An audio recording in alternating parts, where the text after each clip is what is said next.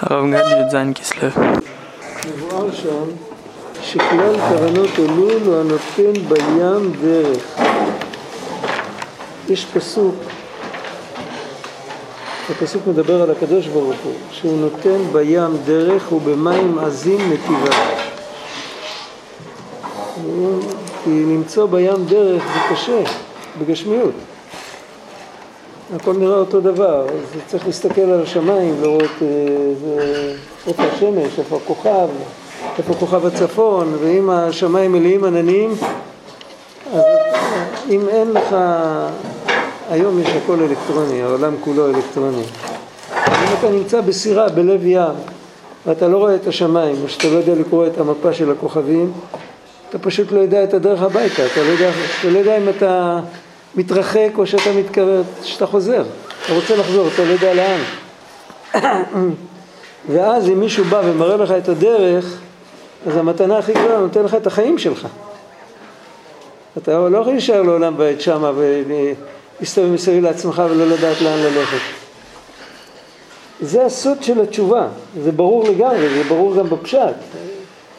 הנותן בים דרך, בן אדם שעדיין לפני התשובה והוא מסתובב מסביב לעצמו. והקדוש ברוך הוא עוזר לו בהתערותא דלעילא והוא נותן לו דרך. מה הדרך שהוא נותן לו? אז האריזל כותב שצריך להאיר בחינת דרך בים. וזה הדרך, אם רוצים להבין מה האופי של הדרך הזאת הוא בחינת שני פעמים השם יבוק. כתוב שם ויעבור את מעבר יבוק ומעבר יבוק זה תמיד, זה, שם זה היה המעבר שחיבר את חוץ לארץ עם ארץ ישראל ומעבר יבוק זה גם שם של ספר שמדבר איך להתכונן למוות, איזה וידויים לומר ואיך אה, איך, איך לבוא נקי, לעלות מהעולם הזה לעולם הבא, זה גם כמו מחוץ לארץ לארץ ישראל וכל המעברים שיש, שצריך לעשות גם בעל תשובה שרוצה לחזור בתשובה מהמקום הנמוך שנמצא, צריך לעבור את מעבר יבוק. מה זה, מה זה הסוד הזה של מעבר יבוק? יש נחל מפריד, יש נחל יבוק, אפשר למצוא אותו במפה, הוא לא בשמיים, משהו גשמי. יש נחל מפריד בין שתי טריטוריות ויש שם גשר וצריך לעבור שם. זה כל הסיפור.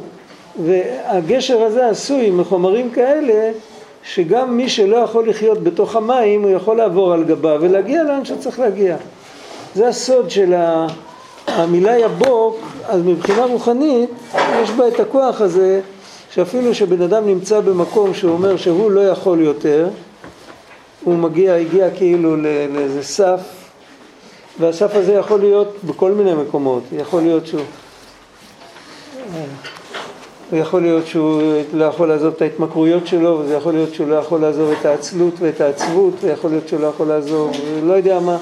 כל אחד, כל אחד לפום שיעורי דיליי, והוא לא יכול, אז מעבירים, נותנים לו איזה גשר, נותנים לו, נותנים לו מעבר שהוא כן יוכל. מה זה המעבר הזה? זה מרומז בתוך המילים יבוק. כי שתי פעמים יבוק עולה דרך. מעבר הרי צריך תמיד לקחת אותו לשני כיוונים. זה טוב, זה נורא טוב שהולכים מחוץ לארץ לארץ ישראל, אבל מעבר כזה, גשר כזה, שמארץ ישראל לחוץ לארץ אי אפשר לעבור עליו, אז גם מחוץ לארץ לארץ ישראל אי אפשר לעבור עליו. אם מישהו יעשה גשר ומי שירצה לעבור מארץ ישראל לחוץ לארץ יטבע בגשר הזה, הגשר לא יסחוב אותו, אז גם מי שירצה להיכנס לא יוכל לעבור עליו. זאת אומרת, זה צריך להיות משהו שמחזיק גם לכאן וגם לכאן. גם, כשיעקב בורח מעשיו, הוא בורח לחוץ לארץ, אז הוא עובר אה, משהו כזה, וכשהוא חוזר עם כל הילדים שלו חזרה ליצחק אביו, הוא גם עובר על אותו דבר. זאת אומרת, צריך להיות בתוך, ה, בתוך השם הזה, יבוק, צריך להיות משהו שנותן לנו את האפשרות לנוע לכל הכיוונים. ומה זה הפירוש לכל הכיוונים? ודאי שאנחנו לא רוצים להביא את הבן אדם שארץ ישראל זה הכוונה לעשות את רצון השם, חוץ לארץ זה מחוץ לרצון השם. ודאי שלא רוצים להביא את הבן אדם שילך מהמקום הטוב למקום הרע, זה ודאי שאנחנו לא רוצים. אז מה המשמעות של זה שבכל אופן זה הולך לשני הכיוונים? זה תכף נראה. יש לנו דוגמה לזה אה, בגשמיות, אה, רצו ושוב, כמו בן אדם מכניס אוויר ומוציא אוויר. אם הוא רק יכניס אוויר הוא לא יכול לחיות, ואם רק יוציא אוויר הוא לא יכול לחיות. בוודאי שלכאורה ממה הוא חי? מזה שהוא מכניס אוויר או מזה שהוא מוציא אוויר? שניהם. משניהם. אתה לא יכול להגיד כי, כי אם חסר אחד מהם, זאת אומרת שגם בשוב יש איזה עניין, זה ברור, אז על כל פנים דרך צריכה להיות תמיד בנויה מגשר שאפשר לעבור עליו לשני הכיוונים. זה היוד בית קוף, שתי פעמים יבוק עולה דרך. והנותן בים דרך זה שהשם יתברך נותן את הכוח של השם יבוק לאדם והיבוק הזה הוא אפשר לעבור, זה גשר שאפשר לעבור עליו לשני הכיוונים. את הפרטים הוא יסביר בהמשך. הרב, יש כזה כן, דבר מה? דרך בים? רגע, קודם כל שיפסיק לקטרג. כן, מה אמרת? בים אין דרכים. הבן אדם שנמצא בים ורוצה לחזור הביתה, הוא צריך לדעת את הכיוון. הנותן בים דרך זה כמו לתת כיוון. זה לא דרך לסלול דרך, זה כיוון. הכיוון זה הדרך שלך. אם אתה לא יודע את הכיוון ומישהו נותן לך את הכיוון באמצע הים, אז הוא מציל את החיים שלך. זה מה שהקדוש ברוך הוא עושה, התערות, יש התערותא דלתתא בתשובה. ושהבן אדם מחפש, הוא מבקש, הוא מתחנן, מדרכי התשובה שיהיה עכשיו צועק תמיד אל השם, כתוב ברמב"ם. אבל יש את ההתערותא דלילה, ההתערותא דלילה שהקדוש ברוך הוא שולח לו מחשבות שמראות לו את הדרך. כי יכול להיות שהוא ילך בדרך שהוא לא יגיע לאף מקום. הוא מאוד מאוד ירצה, אבל הוא לא יגיע. וזה, פה צריך עזרה מלמעלה. הנותן בים דרך, הפסוק מדבר על השם יתברך, לא על האדם.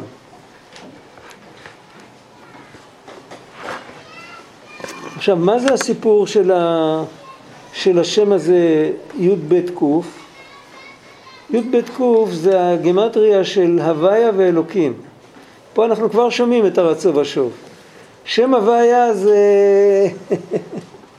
ושם אלוקים זה ככה, זה ברור. שם אלוקים זה לשון רבים, זה, זה שהקדוש ברוך הוא הוא אמר ויהי הוא ציווה ויעמוד וכל הריבוי, כל הריבוי של הפרטים ושל כל כוחות הטבע ושל הכל הכל, הכל נמשך מאחד יחיד ומיוחד והכל חוזר אל האחד יחיד ומיוחד.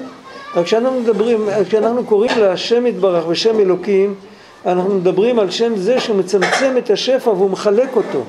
בלי צמצום לא שייך שהשפע יתחלק. כשמאיר אור גדול, אז בתוך האור הגדול הזה יש את הכל ביחד. כשזה יורד זה מתחלק. אז זה שם הוויה, היה הווה ויהיה כאחד, הזמן אחד, זמן זה גם אומר סיבות ותוצאות, אז אין סיבות ואין תוצאות, הכל אלוקים, אין כלום, הכל השם. וזה שם הוויה, ושם אלוקים זה כבר כתוב בלשון רבים, וכבר יש אפילו כמה מקומות בודדים בתנ"ך שאפילו הנטייה הדקדוקית שלו, אשר הלכו אלוקים, אלוקים קדושים, זה נדיר, אבל זאת אומרת, יש לגיטימציה ללשון רבים, רק צריך לזכור שכל הרבים האלה באים מאחד יחיד ומיוחד. זה, זה דרך כלפי מטה. זה כמו, אומרים, כמו שנגיד הגשר שיוצא מארץ ישראל לחוץ לארץ, זה שם אלוקים. הגשר שעוברים עליו מחוץ לארץ לארץ ישראל זה שם הוויה. אז הפעמיים, הפעמיים יבוק, הגשר זה מעבר יבוק אמרנו. הפעמיים, ובכל אחד, בכל יבוק כזה יש את שניהם.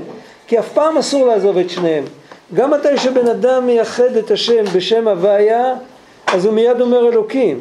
אפילו בקריאת שמע, שסוגרים עיניים מחזו דאי עלמא ולא רואים שום דבר, מתנתקים, והשם אחד ואין כלום, אומרים גם את המילה אלוקינו. גם בקריאת שמע. אז זאת אומרת שתמיד שם הוויה ושם אלוקים נמצאים ביחד, שם הוויה ושם אלוקים ביחד זה הגימטריה של המילה יבוק. זה פ"ו ועוד כ"ו. זה קי"ב. עכשיו פעמיים יבוק זה דרך. כי שתי פעמים יבוק עולה דרך.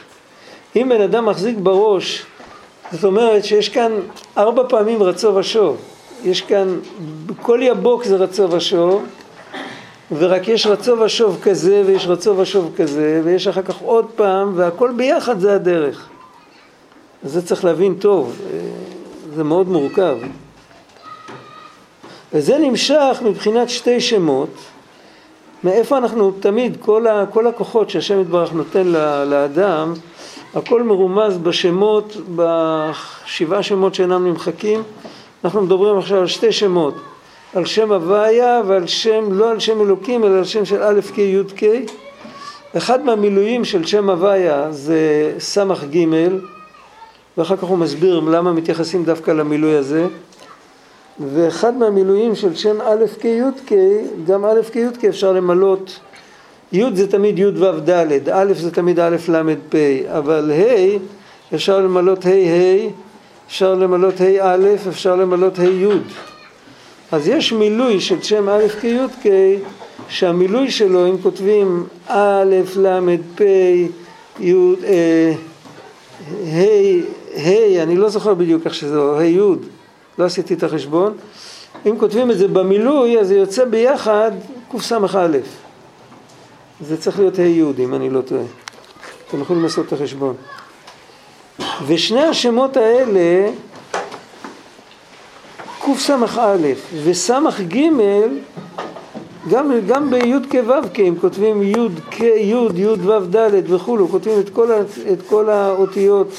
אז אחד מהצורות של המילואים של הה' ושל הו' זה ס"ג. ואלו השתי שמות קס"א, ס"ג הם עולים בגמטריה שתי פעמים יבוק שהוא גמטריה דרך כנזכר לעיל גם פה יש סיפור של רצו ושוב השם של ס"ג השם הזה של ס"ג יש בכלל, יש ארבע שמות אה, יש על זה הרבה כתבי אריזל. מה פירוש ארבע שמות? יש ארבע מילואים לשם הוויה. תאורטית יכול להיות הרבה יותר מארבע מילואים לשם הוויה. אפשר לכתוב עם כל מיני, אפשר לכתוב ה' אחד עם א' וה' עם י' יוצא עוד מילוי. ואין דבר כזה. יש ארבע מילואים שהם אמיתיים. זה מילוי אחד, הגמטריה שלו זה 72, מילוי אחד, הגמטריה שלו זה 63, המילוי השלישי, הגמטריה שלו זה 45, והמילוי הרביעי זה 52. אב סגמה בן, ככה זה נקרא בקבלה, וה... אז זה לא הולך בדיוק לפי הסדר, שזה לא בסדר יורד של מספרים. וזה כנגד הספירות, המילוי אב מאיר בשם הוויה, בספירת החוכמה, אה, מילוי סג מאיר בספירת הבינה, תכף נסביר את זה יותר, מילוי מה מאיר במידות, בשש מידות, ומילוי בן מאיר במלכות. עכשיו מה המשמעות של זה? בעצם זה רק שתי שמות. יש אב וסג. אב וסג זה כמו, בגדול, זה כמו אורות וכלים, כמו הוויה ואלוקים, זה כמו אחדות וריבוי, ריבוי בקדושה, לא ריבוי כמו בעבודה זרה. ריבוי כמו שם אלוקים, שכל הכוחות כולם נמשכים מאותו שורש. אבל ה... כמו חוכמה ובינה, בדיוק. ה... יש אחד מגדולי המקובלים בירושלים שאומר שמי שמבין טוב חוכמה ובינה לא צריך ללמוד קבלה יותר. הוא יודע את הכל. מי מבין מה זה חוכמה ובינה? חוכמה אנחנו אומרים כוח מה, ועל בינה אנחנו אומרים שאפילו משה רבנו לא יכל להשיג עד הסוף. וממילא אז הכל נפל, אז אפשר להתחיל ללמוד. אחרי שנלמד גם לא נבין. אבל לא משנה, אבל על כל פנים, הנושא של הנקודה של העניין זה האחדות, השורש וה, והמסביב. זה, זה הנושא של העניין. עכשיו מי שהולך עם המסביב יותר מדי, הוא נסוג לאחור, בשביל זה קוראים לזה סג. זה ברור, מה זה נקרא להיות נסוג לאחור? תפתח, תפתח, תפתח. מי שקר לו שיבוא לעיניי. אה, מה, מה פירוש להיות נסוג לאחור? יהודי צריך להיות עם הפנים אל הקודש. יהודי לא משנה, לפעמים גם הולך הביתה, הוא חוזר, מה, הוא חוזר מהקודש, הוא הולך הביתה, הוא חוזר מבית כנסת, הוא חוזר מבית המקדש, אבל עם הפנים, אתם יודעים שעומדים עם בן אדם, אה, כשעומדים מול אדם גדול, איך יוצאים ממנו? נותנים לו גב, הולכים אחורה. מה זה אומר? זה אומר בעצם אני עם הפנים אליך. מה יהיה אם הוא שולח אותך להביא משהו? אז אתה יכול לתת לו גב. למה? כי אז אתה כל הזמן, אפילו הגב שלך זה עם הפנים אליו. אז זו בחינה כזאת שיהודי צריך, אפילו אם הוא מתעסק בהנהג בהם מנהג דרך ארץ, הוא תמיד צריך להיות עם הפנים לקדוש ברוך הוא. אבל אם הוא עם הפנים לאבלי העולם הזה, ועם הגב לקדוש ברוך הוא, אז הוא נסוג לאחור. ושם סג יכול לעזור לו לסובב אותו חזרה. זה ברור. עכשיו, השם השני זה קס"א, שזה המילוי של שם א' כ' י' כ'. א' כ' י' כ' זה שם מאוד גבוה, זה השם של ספירת הכתר. זה מה שלמדנו עליו בתחילת התורה, זה שהקדוש ברוך הוא אומר, אנא זמין להתגליה, אתה עכשיו אתה לא מבין שום דבר, מי שהיה פה בתחילת זה היה לפני כמה חודשים. מי היה פה בהתחלה? הרמ"ק כותב בפרדס על הכתר, הוא כותב, אה, הכתר, אה, איך הוא כותב שם, הכתר זה מלשון קטר לי זהר, אה, רבנו מביא את זה פה בתורה הזאת, קטר לי זהר, זאת אומרת, אל תחשוב במקום הזה מאומה, ככה הוא כותב הרמ"ק, אלא המתן עד שיתפשט ואז תוכל להבין בו, אם תחכה בסבלנות ומשהו מתוך זה יתגלה לך, אז את המשהו תוכל להבין, אבל את הדבר הזה עצמו הוא למעלה מהזה. זאת אומרת, הבעל תשובה מקבל עכשיו כוח משם שמרמז על לסגת לאחור, משם שמדבר על הפרטים, על הבינה מול החוכמה, ואחר כך אה, שתי השמות האחרים זה רק עוד פעם אותו דבר ברמה יותר נמוכה. עוד פעם מה ובן זה עוד פעם כמו אב וסג. אז הבעל תשובה מקבל מהשם הנמוך, כן, מהגילוי הנמוך, מהגילוי שמתעסק עם הפרטים ומהגילוי הכי גבוה. זה כמו, לא יודע איך להגיד, זה עוד פעם המשל של רבי הילך, רבי הינך, איפה אני? זוכרים את המשל? עם הילד העצלן, תחשבו שיש לנו ילד עצלן, זה אנחנו בעצם. והילד העצלן צריך מצד אחד, הוא צריך לטיפה, והוא צריך חיוך, וצריך זה. מצד שני, הוא צריך שהבן אדם שנותן לו את, ה, את, ה, את החיוך לא יהיה סמרטוט. זה בן אדם שיודע, שהוא בעצמו יודע לזרוק את עצמו מהמיטה בארבע בבוקר. זה ברור? ממילא אם, סיפר לי יהודי ירושלמי, הוא למד אצל רבי אריה לוין, בעץ חיים. הוא היה נער, הוא אומר, היינו נערים ירושלמים, פראי אדם לכל הדעות, ו... בנוכחותו לא יכלנו להיות רעים, הוא היה תופס את היד, היה תופס את היד ככה, עם שני ידיים, היה לו ידיים חמות, היה תופס את היד עם שתי ידיים, היה מסתכל לנו עמוק בתוך העיניים, וראו שהעיניים שלו מלאות דמעות. ואז הוא לא היה צריך לדבר יותר, אנחנו נמסנו לתוך העיניים שלו והתחלנו להיות ילדים טובים. זאת אומרת, הוא נתן להם מבט טוב, אבל הוא בעצמו היה יהודי שהוא אמר שהוא לא צריך דירה אחרת כי, ה... כי עדיין הכובע שלו לא נתקע בתקרה, הוא גר באיזה כוך. אחד שיודע, הוא בעצמו יודע להתגבר על עצמו ו- ולצאת מכל העניינים האלה, הוא יכול לתת עם, עם באופן הכי רך, הכי, הכי סימפטי, בלי להגיד מוסר, הוא יכול, אה, הוא יכול לעורר את אחרים. אבל צריך להיות את שתי הכוחות יחד. מצד אחד צריך להיות כוח שהוא למעלה מההשגה של המקבל, הילד העצלן אין לו שום השגה בהתקפיה שהמדריך שלו עושה לו, עושה לעצמו. אבל דווקא ממדריך כזה הוא יכול לקבל. אם הוא יקבל ממישהו שרק יודע לחייך, זה לא יעשה לו כלום. זה ברור לגמרי.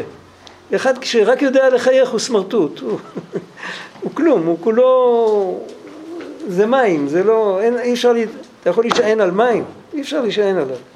אחד שהוא בפנים הוא קשה, הוא יודע לטפל בעצמו נכון, אז כשהוא מקרין החוצה חסד, החסד הזה ממוסס את, ה, את ההתנגדויות של, ה, של השני. זה חסד עם כיסוי, זה לא חסד סתם, זה לא חסד כדי למצוא חן בעיניך. זה חסד כי הוא באמת מרחם עליך, ואז אתה מרגיש את הרחמנות שיש עליך. זה ברור? הרב? כן. מה? הרב, אה, כאן, אה, הצלחתי להרגיז מישהו, ברוך השם.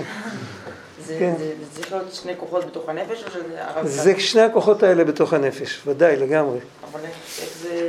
איך מגלים אותם? תכף נראה. הרב, כן. ארבע של- ארבע המילואים שהרב אמר, הרב סג מה הבן?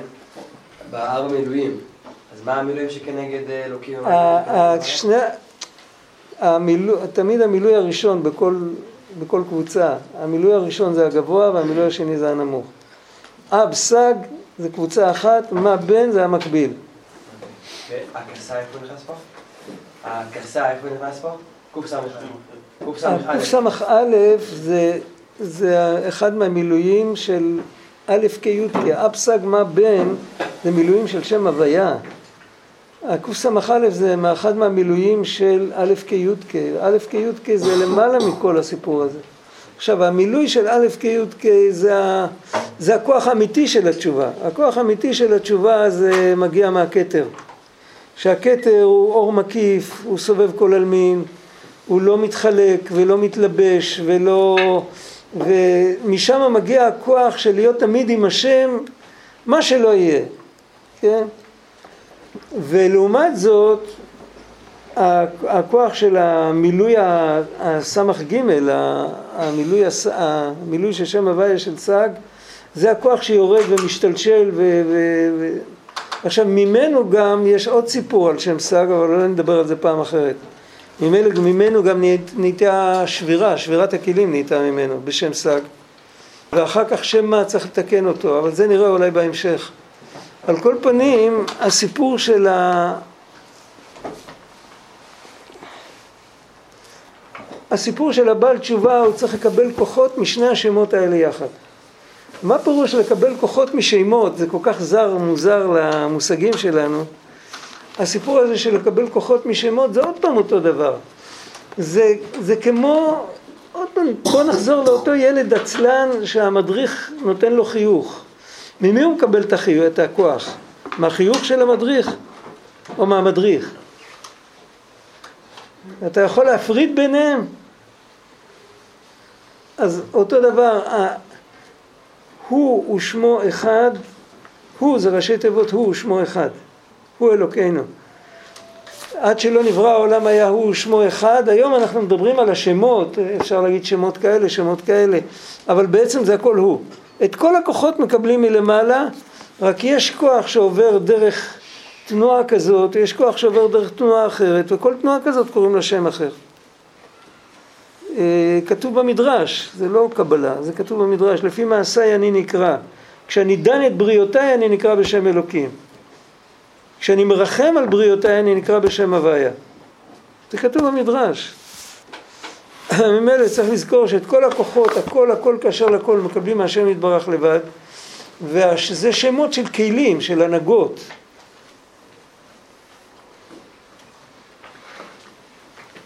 כי אלה השמות שקס"א וס"ג הם עולים בגימטריה שתי פעמים יבוק, שהוא בגימטריה דרך, כנזכר לעיל, וצריך לכוון, עכשיו פה הוא כבר לא מדבר אלינו, זה העתקה מסידור האריזה, ששם הוא מדבר אל המכוונים, אנחנו נכוון את זה, לא נפעל כלום.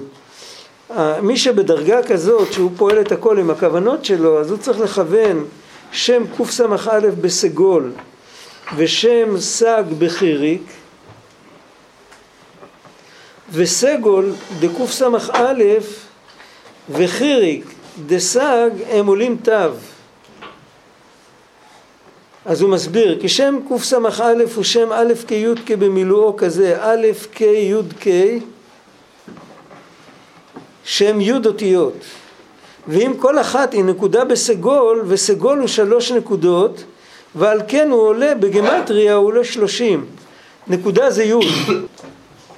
למה נקודה זה י'? נקודה זה י', זה המציאות. י' זה נקודה. אז אם מחשבים גמטריה של נקודות, הסגול זה שלושים. כמה יצרה? עשרים. פתח זה שש, כי פתח דומה לבב. קמץ זה ו' עם נקודה. אז כמה זה? שש עשרה. 16. ברור. זה, ככה, ככה, ככה, ככה מחשבנים נקודות בגימטריה. אז ממילא אם יש עשר אותיות, כל אחד עם שלוש נקודות, וכל שלוש נקודות כאלה זה שלושים, כל העשר אותיות ביחד זה שלוש מאות, ועל כן י' פעמים סגול עולה ש', וסג הם י' אותיות של מילוי הוויה י' ק' ו' ק', וכל אחת נקודה בחיריק, וחיריק זה עשר, יש עשר אותיות, עשר כפול עשר זה מאה, עולה ק', ושניהם חיריק דסג וסגול דקסה, עולים יחד ת', בגמטריה המילה פשוטה, תסתכלו טוב על המילה הזאת, יד השם פשוטה לקבל שווים אנחנו אומרים. ואז על ידי כל בחינות הנ"ל הימין פשוטה כי ימינך פשוטה לקבל שווים ככה כתוב. לקבל תשובתו כי ימין במילואו עולה דרך עם השלוש אותיות שהוא שני פעמים יבוק וכולו עיין שם ימין במילואו זה צריך לכתוב י' ו' ד' מ' מ' תעשו את החשבון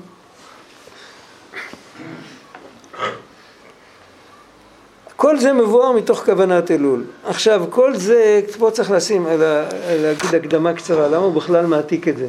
זה לא בשבילנו, אנחנו, אנחנו בכלל לא מתעסקים עם כוונות.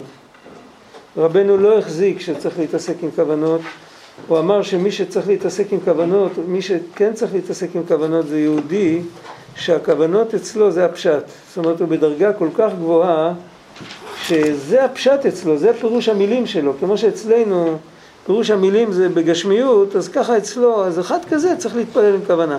כל היתר יכולים ללמוד את זה, אבל לא לכוון את זה. ואם ממילא, אם זה, אם זה רק כוונה כפשוטו, אז אם גם לא, אם גם לא מקיימים את זה, אז איזה ערך יש לזה שלומדים את זה? מה, מה העניין בזה? אולי סתם עניין של לימוד תורה, לדעת כל התורה כולה, יש בזה עניין גדול. אבל לא בשביל זה הוא מביא את זה. האמת כתוב ככה, כתוב שהקדוש ברוך הוא אמר אה, אותי עזבו ותורתי לא שמרו, אז אה, חז"ל אמרו שהקדוש ברוך הוא אומר הלוואי אותי עזבו ותורתי שמרו אם היו שומרים את תורתי המאור שבה היה, מחזירה למוט... היה מחזירם למוטב ככה חז"ל אמרו מה זה המאור שבתורה? המאור שבתורה זה פנימיות התורה פנימיות התורה היא כתובה בזוהר בכתבי אריזל ב, ב, ב, בספר הבהיר, בפרקי החלות, כל מיני ספרים שאין לנו שום גישה אליהם. ושם יש את הכוח של להחזיר את היהודי למוטב. וצריך להבין גם למה דווקא שם יש את הכוח, אבל שם יש את הכוח. אולי נדבר על זה בהמשך למה. על כל פנים, אז מה עושים? אם משם מקבלים את הכוח ואנחנו, הדרך סגורה כאילו, אין, אין לנו גישה לשם, מה, מה אנחנו יכולים לעשות עם זה? התשובה היא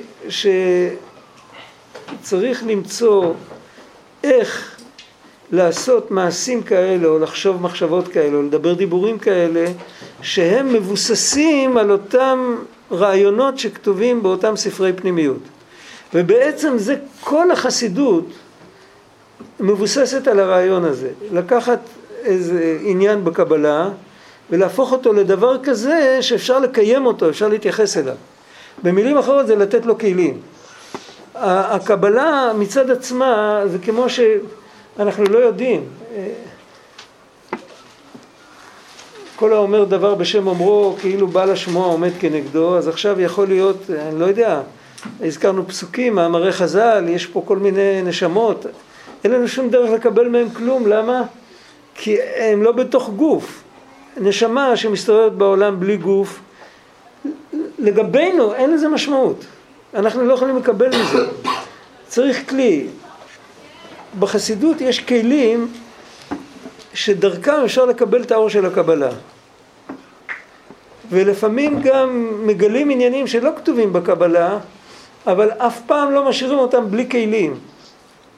לפעמים יש איזה עומק של איזה מאמר חז"ל במדרש, לא בקבלה. אבל כל זמן שלא נתנו לזה כלים, אז כאילו דרוש לקבל שכר, כאילו הלכתה למשיחה. אולי פעם נבין. ברגע שנותנים לזה כלים, הצדיקים, העבודה שלהם הייתה לבנות איזה דרך בעבודת השם שהיא מבוססת על המאור שבא שמחזרו למוטב. ואז גם האדם הפשוט, שהוא לא יכול לכוון וכל זה, זה לא רלוונטי שהוא יכוון, הוא, הוא מכוון את זה, מעשה קוף בעלמא, אבל הוא יכול לעשות עבודה שהיא מתאימה לגמרי לכוונות האלה. גם בדרגה הפשוטה שלו, ואת זה הוא הולך ללמד עכשיו. ועתה בואו ראה איך כל הכוונות הנ"ל, זה כתיבה של רבי נתן. זה כתיבה לגמרי של רבי נתן, זאת אומרת, זה לא, זה לא שהוא כתב תורה של רבנו, כאן הוא כותב, אה, זה כמו ביאור על התורה. בואו ראה איך כל הכוונות הנ"ל מרומזים ונעלמים בדרך נפלאה ונורא מאוד. רבנו הראה את זה לאנשים שהיו אצלו אחרי השבת שהוא אמר את התורה הזאת, פתח להם את סידור האריזה, הראה להם את כל השמות האלה והסביר להם איך התורה רמוזה שם. אבל פה רבי נתן כותב את זה בשפה שלו, רואים לפי האריכות וזה...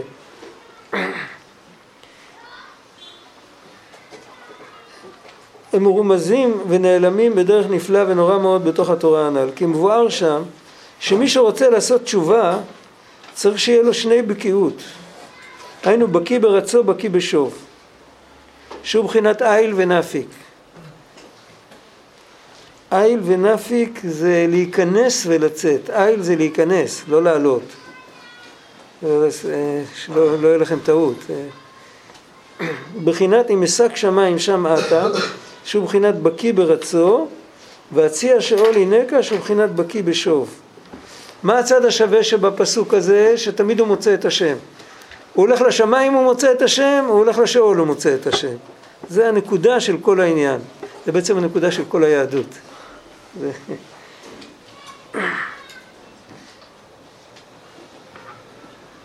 כמבואר לעיין שם, והפירוש הפשוט הוא שמי שרוצה ללך בדרכי התשובה צריך לחגור מותניו. קודם כל אה, לצאת מהנוחות. אנחנו אה, חיים בדור של נוחות, מחפשים שהכל יהיה נוח, כאילו שאנחנו בני נוח. רוצים שהכל יהיה נוח. צריך לחגור מותניו, שיתחזק עצמו בדרכי השם תמיד, בין בעלייה בין בירידה. שהם מבחינת אם אשק שמיים והציע שאול. עכשיו עלייה וירידה תמיד יש, כל אחד מהם יש לו שני אפשר, שתי אפשרויות איך להסביר את זה. יש עלייה שהיא ראויה ויש עלייה שהיא לא ראויה, ואותו דבר יש ירידה שהיא ראויה ויש ירידה שהיא לא ראויה. על ירידות לא צריך לדבר, כולם מכירים את הירידות. יש ירידה שהיא לא ראויה, זה פשוט, ויש ירידה שהיא ראויה, שאיך אומרים בעלי המליצה, לרדת אל העם, כן? זה דוגמה של ירידה שהיא ראויה, כן? וכל כיוצא בזה. ואותו דבר אה, בעלייה, אז גם כן, יש אה, פן יהרסו לעלות אל השם, יש עלייה שהיא לא ראויה. שאדם דוחק את עצמו למקומות שהוא לא צריך להיות שם, זה לא התפקיד שלו, זה לא העניין שלו. ויש עלייה שהיא ראויה בהחלט. אה, שלוש פעמים בשנה ייראה כל זכורך, אז זה, זה עלייה שהיא ראויה, קוראים לזה עלייה לרגל. אין לנו זוכים לעלות ולראות ולהשתחוות. אז צריך לזכור שבעבודת השם היומיומית אני חושב שלא צריך להכביר מילים, לא צריך להסביר את זה, זה כל אחד מכיר את כל, את כל הדברים, את כל הארבע. עכשיו קודם כל הוא צריך בקיאות, הבקיאות הפשוטה זה שהוא יהיה תמיד בצד הטוב של העלייה ובצד בצד הנכון של העלייה, בצד הנכון של הירידה. לא להיות בצד הלא נכון. הוא יכול להיות כל החיים שלו ברצו ושוב, אבל הוא תמיד יהיה בצד הלא נכון. הרצו שלו זה יהיה שהוא ייתקע למקומות שהוא לא אמור להיות שם, והשוב שלו שהוא ירד לתהומות איפה שאסור להיות. שם ישמור. יכול להיות חטא שזה ירידה טובה? חטא לא. לא, לא, לא מדובר, לא רק חטא, אפילו הנהגה לא טובה, אפילו סתם ככה לעצבן חבר, כמו שאומרים. לא. אה, יכול להיות שבסוף הקדוש ברוך הוא יהפוך את זה לטוב, אבל הדבר עצמו להפך, ההגדרה של טוב, ההגדרה של רע, פה צריך לעשות סדר, זה צריך להפוך את המפה. הרע הוא רע בגלל שהשם אמר לא לעשות אותו. אתה מבין מה הפכתי? אנחנו בדרך כלל מבינים שהרע הוא רע ולכן השם אמר לא לעשות אותו, נכון? אבל האמת היא לא ככה, האמת היא שהרע הוא רע בגלל שהשם אמר לא לעשות אותו. כי אצל השם אין אילוצים, אם אתה אומר שהרע הוא רע אז לכן אמר השם אמר לא לעשות אותו, השם גם יכל להפוך אותו לטוב.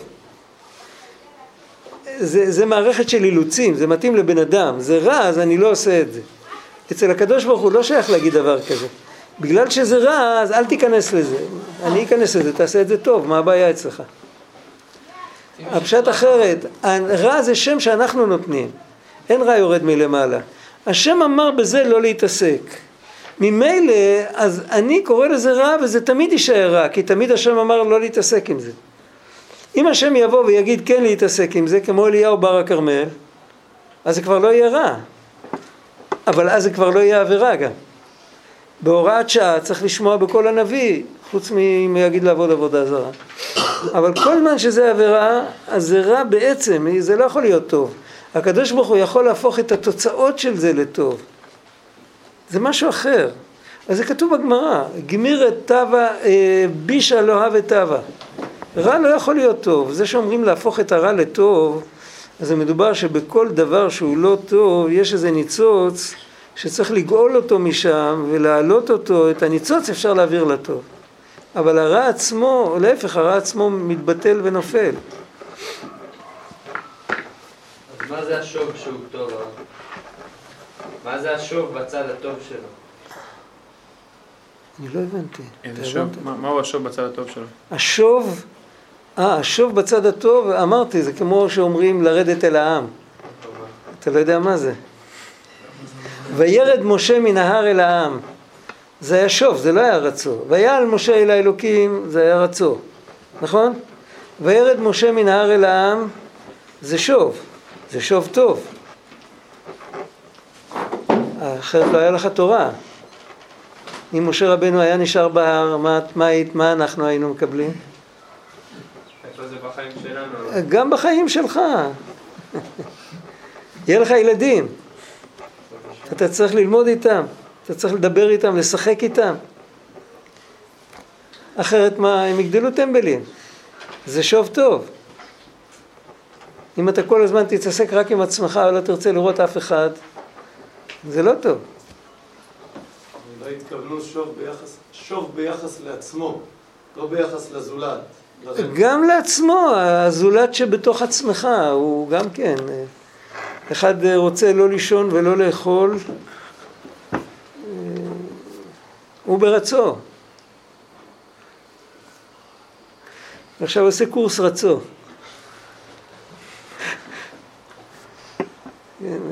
בסוף הוא, זה כמו אחד ש... יש לי חבר שהתיישב פעם, הוא בכלל טיפוס אוהב ריבוי אור. התיישב, הסתכל על השמש. מתה לו נקודה בעין, ואי אפשר לרפות את זה. הוא ממשיך לראות, אבל הוא, הוא לא יכול לקרוא, אלא אם כן הוא מתרכז בכל מילה, הוא קורא במהירות שאתה קורא בפה, ככה הוא קורא עם העיניים. אז, אז הוא כמעט לא יכול לקרוא. לקרוא ספר אצלו זה כמו להגיד את כל הספר. הוא, הוא הסתכל, הוא החליט שהוא מסתכל על השמש. אה, אנשים אומרים שזה מזיק, מה הם יודעים? אני... יש לפעמים אנשים נכנסים למקום שהם לא צריכים, אה, רש"י אומר על, אה, בכמה מקומות בתנ"ך, הוא אומר אה, שאין רשות להתבונן בפסוק הזה. פגשת פעם רש"י כזה? זה, זה דוגמה לרצון לא טוב. יש אנשים שהם יותר חכמים מרש"י. הם צריכים דווקא להיכנס למקומות האלה. זה שטות. בן אדם עושה לעצמו נזק. הסוד של ההתקדמות זה עשיית כלים. אם אין כלים עדיין, אז יש מקומות שלא צריך להיכנס. נסה לרתך בלי מסכה. השם ישמור. גם סתם הסתרה זה, אין, אין בזה טוב בעצמו? כאילו רק נקודה של טוב שצריך להוציא מזה? הרע זה לא מציאות, זה מצב, זה מצב. אין טוב בלעשות מה שהקדוש ברוך הוא אמר לא לעשות. אין בזה טוב. אבל סתם חוסר גילוי שלא לא ברור מה השם רוצה. לא- זה לא, אני לא יודע, אבל אין טוב. אתה יכול להגיד, אם נגיד אסור לזרוע כלאיים, אסור לנטוע, אסור לזרוע כלאי הכרם, זה איסור הנאה. עכשיו שמתי, שמתי גפן ושמתי ליד זה חיטה, עברתי איסור. בתוך הגפן, בתוך החיטה יש ניצוצות קדושים ו... והם הם בגלות נוראית ואי אפשר, הם אסורים בהנאה. אי אפשר אפילו למכור אותם ולתת את הכסף לצדקה, אי אפשר לפדות אותם בשום אופן. צריך לקחת את זה, לעקור את זה, לשרוף את זה. ומה יקרה כשישרפו את זה? אז הם יעלו.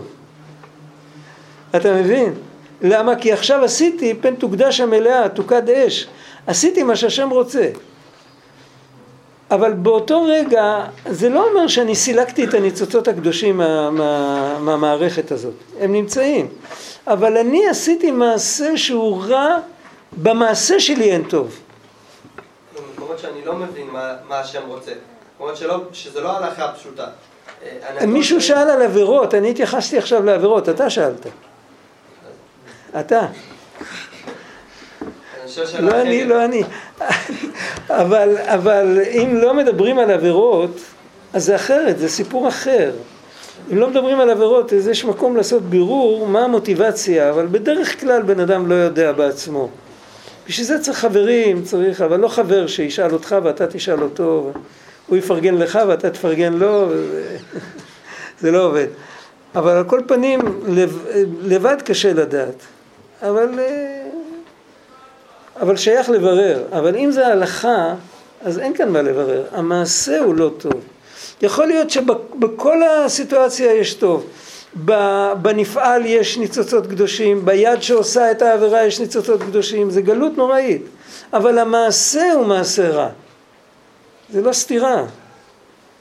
הרב, השאלה האם יכול להיות שבן אדם סתם אין לו מצב רוח ואין לו מוחין, הוא בנפילת הדעת, האם זה גם נחשב מצב של שוב שהוא טוב כי השם עשה לי את זה? ואני צריך עכשיו לעבוד מפה וזה... השם שלח לו את זה כדי שהוא יצא משם. ב- לא רק שהוא יצא משם, שהוא יצא מהמשבצת שהוא היה רגע לפני שזה התחיל. רק בשביל לצאת משם אז לא צריך לשלוח לו את זה, כי הוא לכתחילה לא היה שם. אבל כנראה שלפני שזה התחיל הוא היה במקום לא הכי מבורר. אז השם הוריד אותו יותר כדי שהוא כזה יתפוס את עצמו, ואז כשהוא יצא, שהוא יצא לגמרי. זה ברור? זה לא כמו הירידה הטובה שלו. זה לא כמו שבן אדם צריך לאכול ולישון ולעשות דברים ש... בן אדם צריך להיות בדיכאון כדי להישאר בחיים. דיכאון, ופחות ב... בעבודה, עבודה פשוטה בלי התעוררות. אתה תיארת משהו אחר לפני רגע. אתה תחליט, על מה אתה מדבר. בלי דיכאון. בן אדם עייף, בן אדם עייף, חולה, יש לו גריפה, לא יודע מה, הוא עם חום, הוא לא ישן כל הלילה, לא יודע, הוא עכשיו הוא אומר אשרי יושבי ביתך כמו ילד קטן בבית ספר. זה בסדר גמור, הוא לא צריך לבכות מזה, הוא לא צריך לברוח מזה, הוא צריך פשוט ללכת לישון או להבריא קודם, ואחר כך להמשיך לדבר. אבל אם בן אדם נכנס לעצבות, הוא צריך לברוח משם.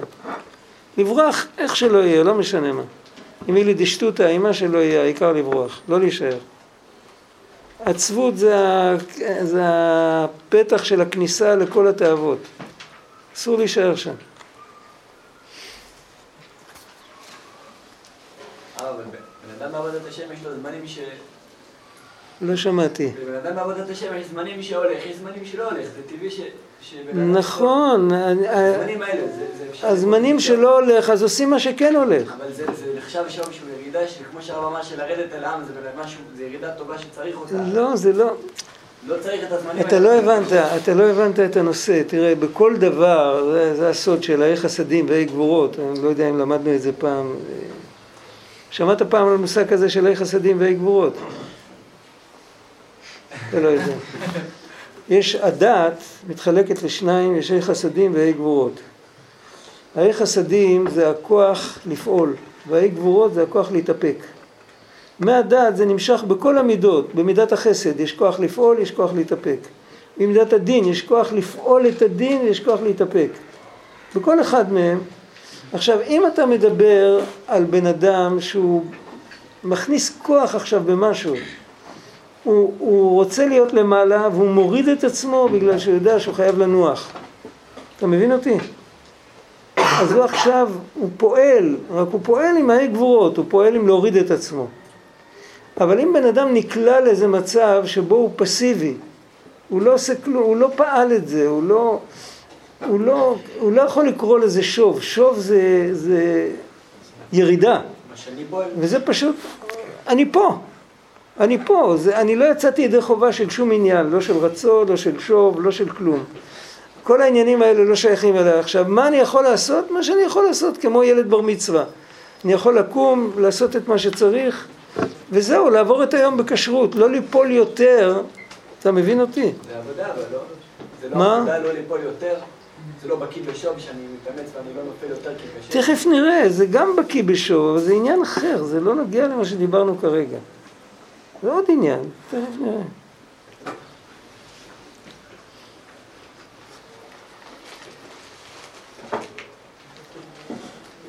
העיקר הבקיא בשוב, עוד פעם, תחשוב שאתה עם שני הידיים שלך מתחת, אתה מחזיק בשני ברזלים, מתחתיך יש תהום. בתוך התהום יש אה, נחשים ועקרבים או, או סכינים מסתובבים, לא יודע מה. ואתה אין לך על מה לעמוד, פתחו את הרצפה ואתה רוצים שתיפול ואתה מחזיק עם שתי ידיים. עכשיו, אבל מסביב יש, יש אדמה מוצקה שאתה יכול לעמוד עליה. מה החוכמה של ה... של ה... זה ודאי בקיא בשוב במצב הזה, נכון? זה לא בקיא ברצון. מה שאתה אומר, לא ליפול. אבל אתה לא יכול לעולם ועד להחזיק ככה ולא ליפול יותר. מה אתה צריך לעשות? אה, להרים את עצמך, לזרוק את עצמך מעבר לגדר ולהגיע למקום שאתה יכול לעמוד שם, נכון? אז זה הבקיא בשוב. איך שהסבירו את זה כאן, שהבקיא בשוב והבקיא ברצון הם נראים בדיוק אותו דבר. איפה שהבן אדם נמצא, הוא צריך תמיד להתקדם. לא רק לא ליפול. אתה מבין את ההבדל בין מה שאתה אמרת למה שאני אומר לך? אתה לא יכול לא ליפול אם אתה לא רוצה להתקדם. אתה לא יכול במדרון לעמוד, אי אפשר.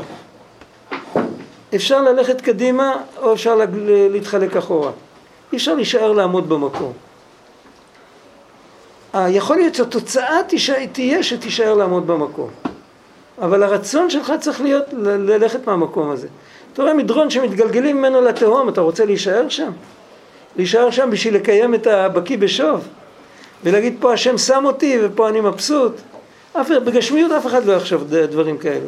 כל אחד ירצה לברוח. אז למה ברוחניות לחשוב ככה? עכשיו הבנת יותר טוב? ברוך השם.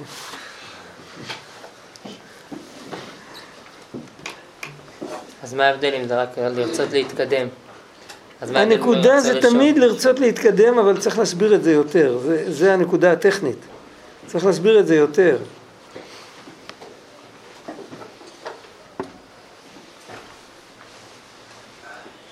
היינו בין שיזכה לאיזה עלייה, לאיזה מדרגה גבוהה, מדרגה גדולה כתוב כאן, לא כתוב גבוהה. אף על פי כן אל יעמוד שם ולא יסתפק עצמו בזה, רק צריך שיהיה בקיא בזה מאוד, לדע או להאמין שהוא צריך ללכת יותר ויותר. אז זהו, כאן, פה זה מקום באמת להסביר את זה, מה זה העניין. אף אחד מאיתנו הוא לא טמבל, שהוא חושב שהוא הגיע, הגיע לאיזה מדרגה, אז הוא חושב שהוא הגיע למדרגה הכי גבוהה בעולם. שוב, בשופטינו לא עסקינן. אין, אין טמבלים כאלה. כל אחד יודע שאף פעם אי אפשר להגיע למקום הכי גבוה. זה לא שייך, תמיד אפשר לעלות יותר. השאלה היא שאלה אינדיבידואלית, מה קורה איתי? האם אני יכול לעלות יותר או לא? אז יש כאלה שאומרים, הגעתי עד לפה, השתבח שמו, ברוך השם, יותר מזה כנראה זה לא בשבילי. וזה שקר. זה שקר שבסוף יוביל אותו לרדת חזרה אה, למקום מאוד נמוך שהוא לא רוצה להיות שם. זה נקרא להיות בקיא בשוב, בקיא ברצו. בקיא ברצו זה להיות בקיא ביכולות של הנשמה שלך. תן, אמון, תן קרדיט, תן אמון לנשמתך שיש בה איזה כוח האינסוף שהיא תמיד יכולה להמשיך לעלות. חלק אלוקא ממעל. רבי אברהם כותב בכוכבי אור, אתם מכירים את הספר הזה? מי שמכיר תבוא עליו ברכה. אה, הוא כותב, אה, הוא כותב באיזה מקום, אה, כותב כמה שורות, זה כתוב, ראיתי את זה בעוד המון ספרים, אבל שם זה כתוב ממש במפורש. הוא כותב שיש כאלה שמאוד מתפעלים מההשגות של צדיקים ושל קדושים, איך הם השיגו ואיך זה, אז הוא כותב, זה רק עניין של ניקיון. מצד הנשמה כל יהודי יכול להשיג את הכל. לא את הכל ממש, אבל את הכל כמו הם. רק מה, זה עניין של ניקיון. הגוף מסתיר, הנפש הבעמית מסתיר, ברגע שיהודי מנקה לגמרי והנשמה מאירה בו, אנחנו יכולים לתאר לעצמנו מה נשמה יכולה להשיג. חלק אלוקה, יש לנו איזו השגה, לאן חלק אלוקה יכול להגיע. מילא אם הבן אדם מגיע לאיזה מקום והוא אומר, יותר אני לא יכול, אז הוא אומר יותר לא התנקיתי מספיק, זה נכון, באמת יותר הוא לא יכול, הוא לא התנקה מספיק, אבל זה לא אומר שזה נקודת הסיום, זה אומר שצריך להתנקות יותר ואפשר להמשיך ללכת. ומה הדבר דומה? זה... אנחנו באקלים חצי מדברי, קשה לנו לתאר לעצמנו את הנקודה הזאת. אה, שהולכים בדרך ארוכה, אצלנו הבעיה זה ש... שאין מים בדרך, שהכל יבש, אז זה באמת בעיה. אבל אם תחשבו על מקומות הפוכים, כמו פינלנד או, או קנדה או מקומות כאלה, שבן אדם הולך, הוא לא יודע איך לברוח מהמים, והרגליים שלו מלאות בוץ. מים יש לו בשפע, אבל הוא נתקע, מדי פעם הוא נתקע, הוא לא יכול להמשיך, כי הרגליים שלו הנעליים שלו כבר לא הולכות יותר. כבר כל, כל נעל שוקלת 20 אה, קילו. ואז מה הוא צריך לעשות? זה לא סוף, ל, לרגליים עוד יש כוח ללכת. הוא צריך להוריד את הנעל, לקחת איזה חתיכת מקל, להתחיל לנקות את כל הבוץ, לשים את הנעל חזרה, ואז הוא יכול להמשיך. זה מה שקורה לנו בעבודת השם, בדיוק אותו דבר. לנשמה יש כוח להתקדם בלי סוף. רק מה, אנחנו כל הזמן מתמלאים עם בוץ, עם כל מיני... עם, אה,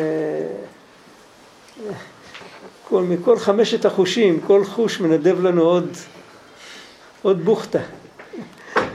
וזה עוצר לנו את, ההת... את ההתקדמות שלנו, אנחנו לא יכולים ללכת. אם בן אדם עושה כל יום חשבון הנפש והוא בודק איך הוא, איך הוא התנהל במשך היום, אז, אז למחרת הוא יכול להמשיך. נשא ליבו את רגליו ונעשה קל ללכת, ככה רש"י אומר על יעקב.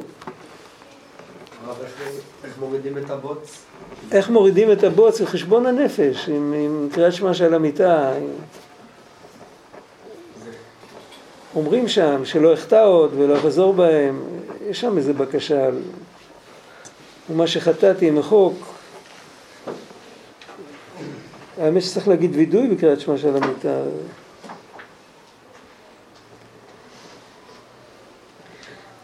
אף על פי כן אל יעמוד שם ולא יסתפק עצמו בזה, רק צריך שיהיה בקיא בזה מאוד, לידע ולהאמין שהוא, למרות שהוא מכיר את עצמו, צריך ללכת יותר ויותר, שזהו בחינת בקיא ברצו, בבחינת איל, שהוא בחינת אם אשק שמיים, שם אתה. אני הגעתי לשמיים, אני רואה אבל שאתה עדיין, יש לי עוד מסע ארוך להגיע אליך. וכן להפך, שאפילו אם ייפול חס ושלום למקום שיפול, אפילו בשאול תחתיות, גם כן אל יתייאש עצמו לעולם ותמיד יחפש ויבקש את השם יתברך. לא כתוב כאן יחפש לא ליפול יותר, לחפש הוא צריך את השם. הוא צריך לחפש את אותו דבר כמו שהצדיק מחפש, בדיוק. ויחזק עצמו בכל מקום שהוא, בכל מה שיוכל. זה מבחינה טכנית. מבחינה טכנית שיעשה בינתיים מה שהוא יכול. כי גם בשאול תחתיות נמצא השם יתברך, וגם שם יכולים לדבק את עצמו אליו יתברך. וזהו בחינת להציע שאול הנה.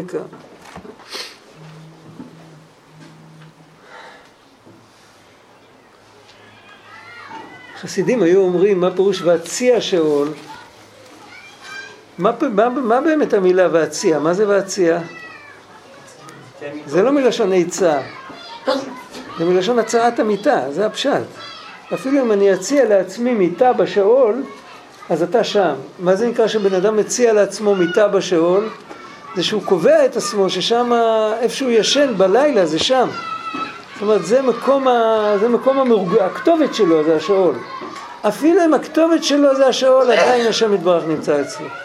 לא רק אחד שהוא אורח בשאול, אפילו אם זה הכתובת שלו. זה כתובת.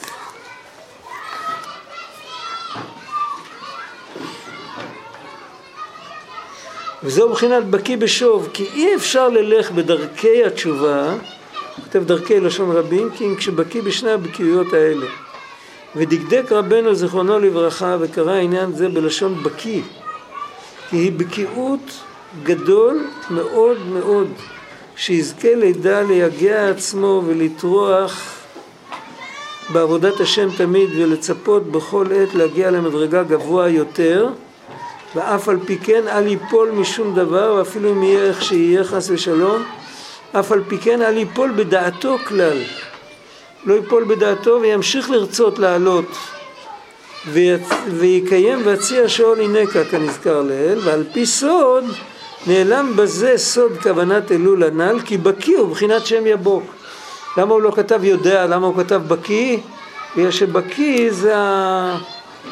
זה היוד בית קוף, שאותיות בקיא. וזה שזוכה לשני הבקיאות הנ"ל שהם שתי פעמים בקיא, היינו בקיא ברצו, בקיא בשוב. זה שזוכה לשני הבקיאות הנ"ל שהם שני פעמים בקיא, דהיינו בקיא ברצו, בקיא בשוב, על ידי זה זוכה לדרך, שזה פעמה, גימטריה פעמיים בקיא, דרך התשובה.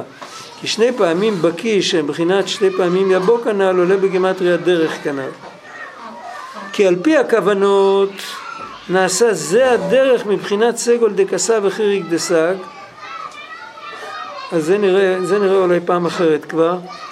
הנקודה היא באופן כללי זה ככה, מי שצדיק והוא באמת יכול, הוא שייך לכוון את הכוונות האלה אז בזה שהוא מכוון את הכוונות הוא עוזר גם לעצמו וגם לכלל ישראל. הוא פותח דרך. יכול להיות שיוסף צדיק באיזה מקום מתחת למכוסה עם טלית ומכוון את הכוונות ויהודים אחרים רחוק ממנו תק פרסה חוזרים בתשובה בגלל הכוונות שלו. בהחלט יכול להיות. אבל מי שלא שייך לזה, אז זה שהוא עושה, התחלת העבודה שהוא תיאר פה, של להיות בקיא ברצו ובקיא בשוב, בזה הוא שם את עצמו מתחת ל... בתוך המסגרת הזאת של הכוונות של האריזה של אלול. למרות שאין לו שום עסק עם הכוונות, הוא לא יודע מה הכוונות בכלל. אבל היות שזה מבוסס על הכוונות, יש לזה את הכוח של הכוונות, וזה יכול להוציא אותו.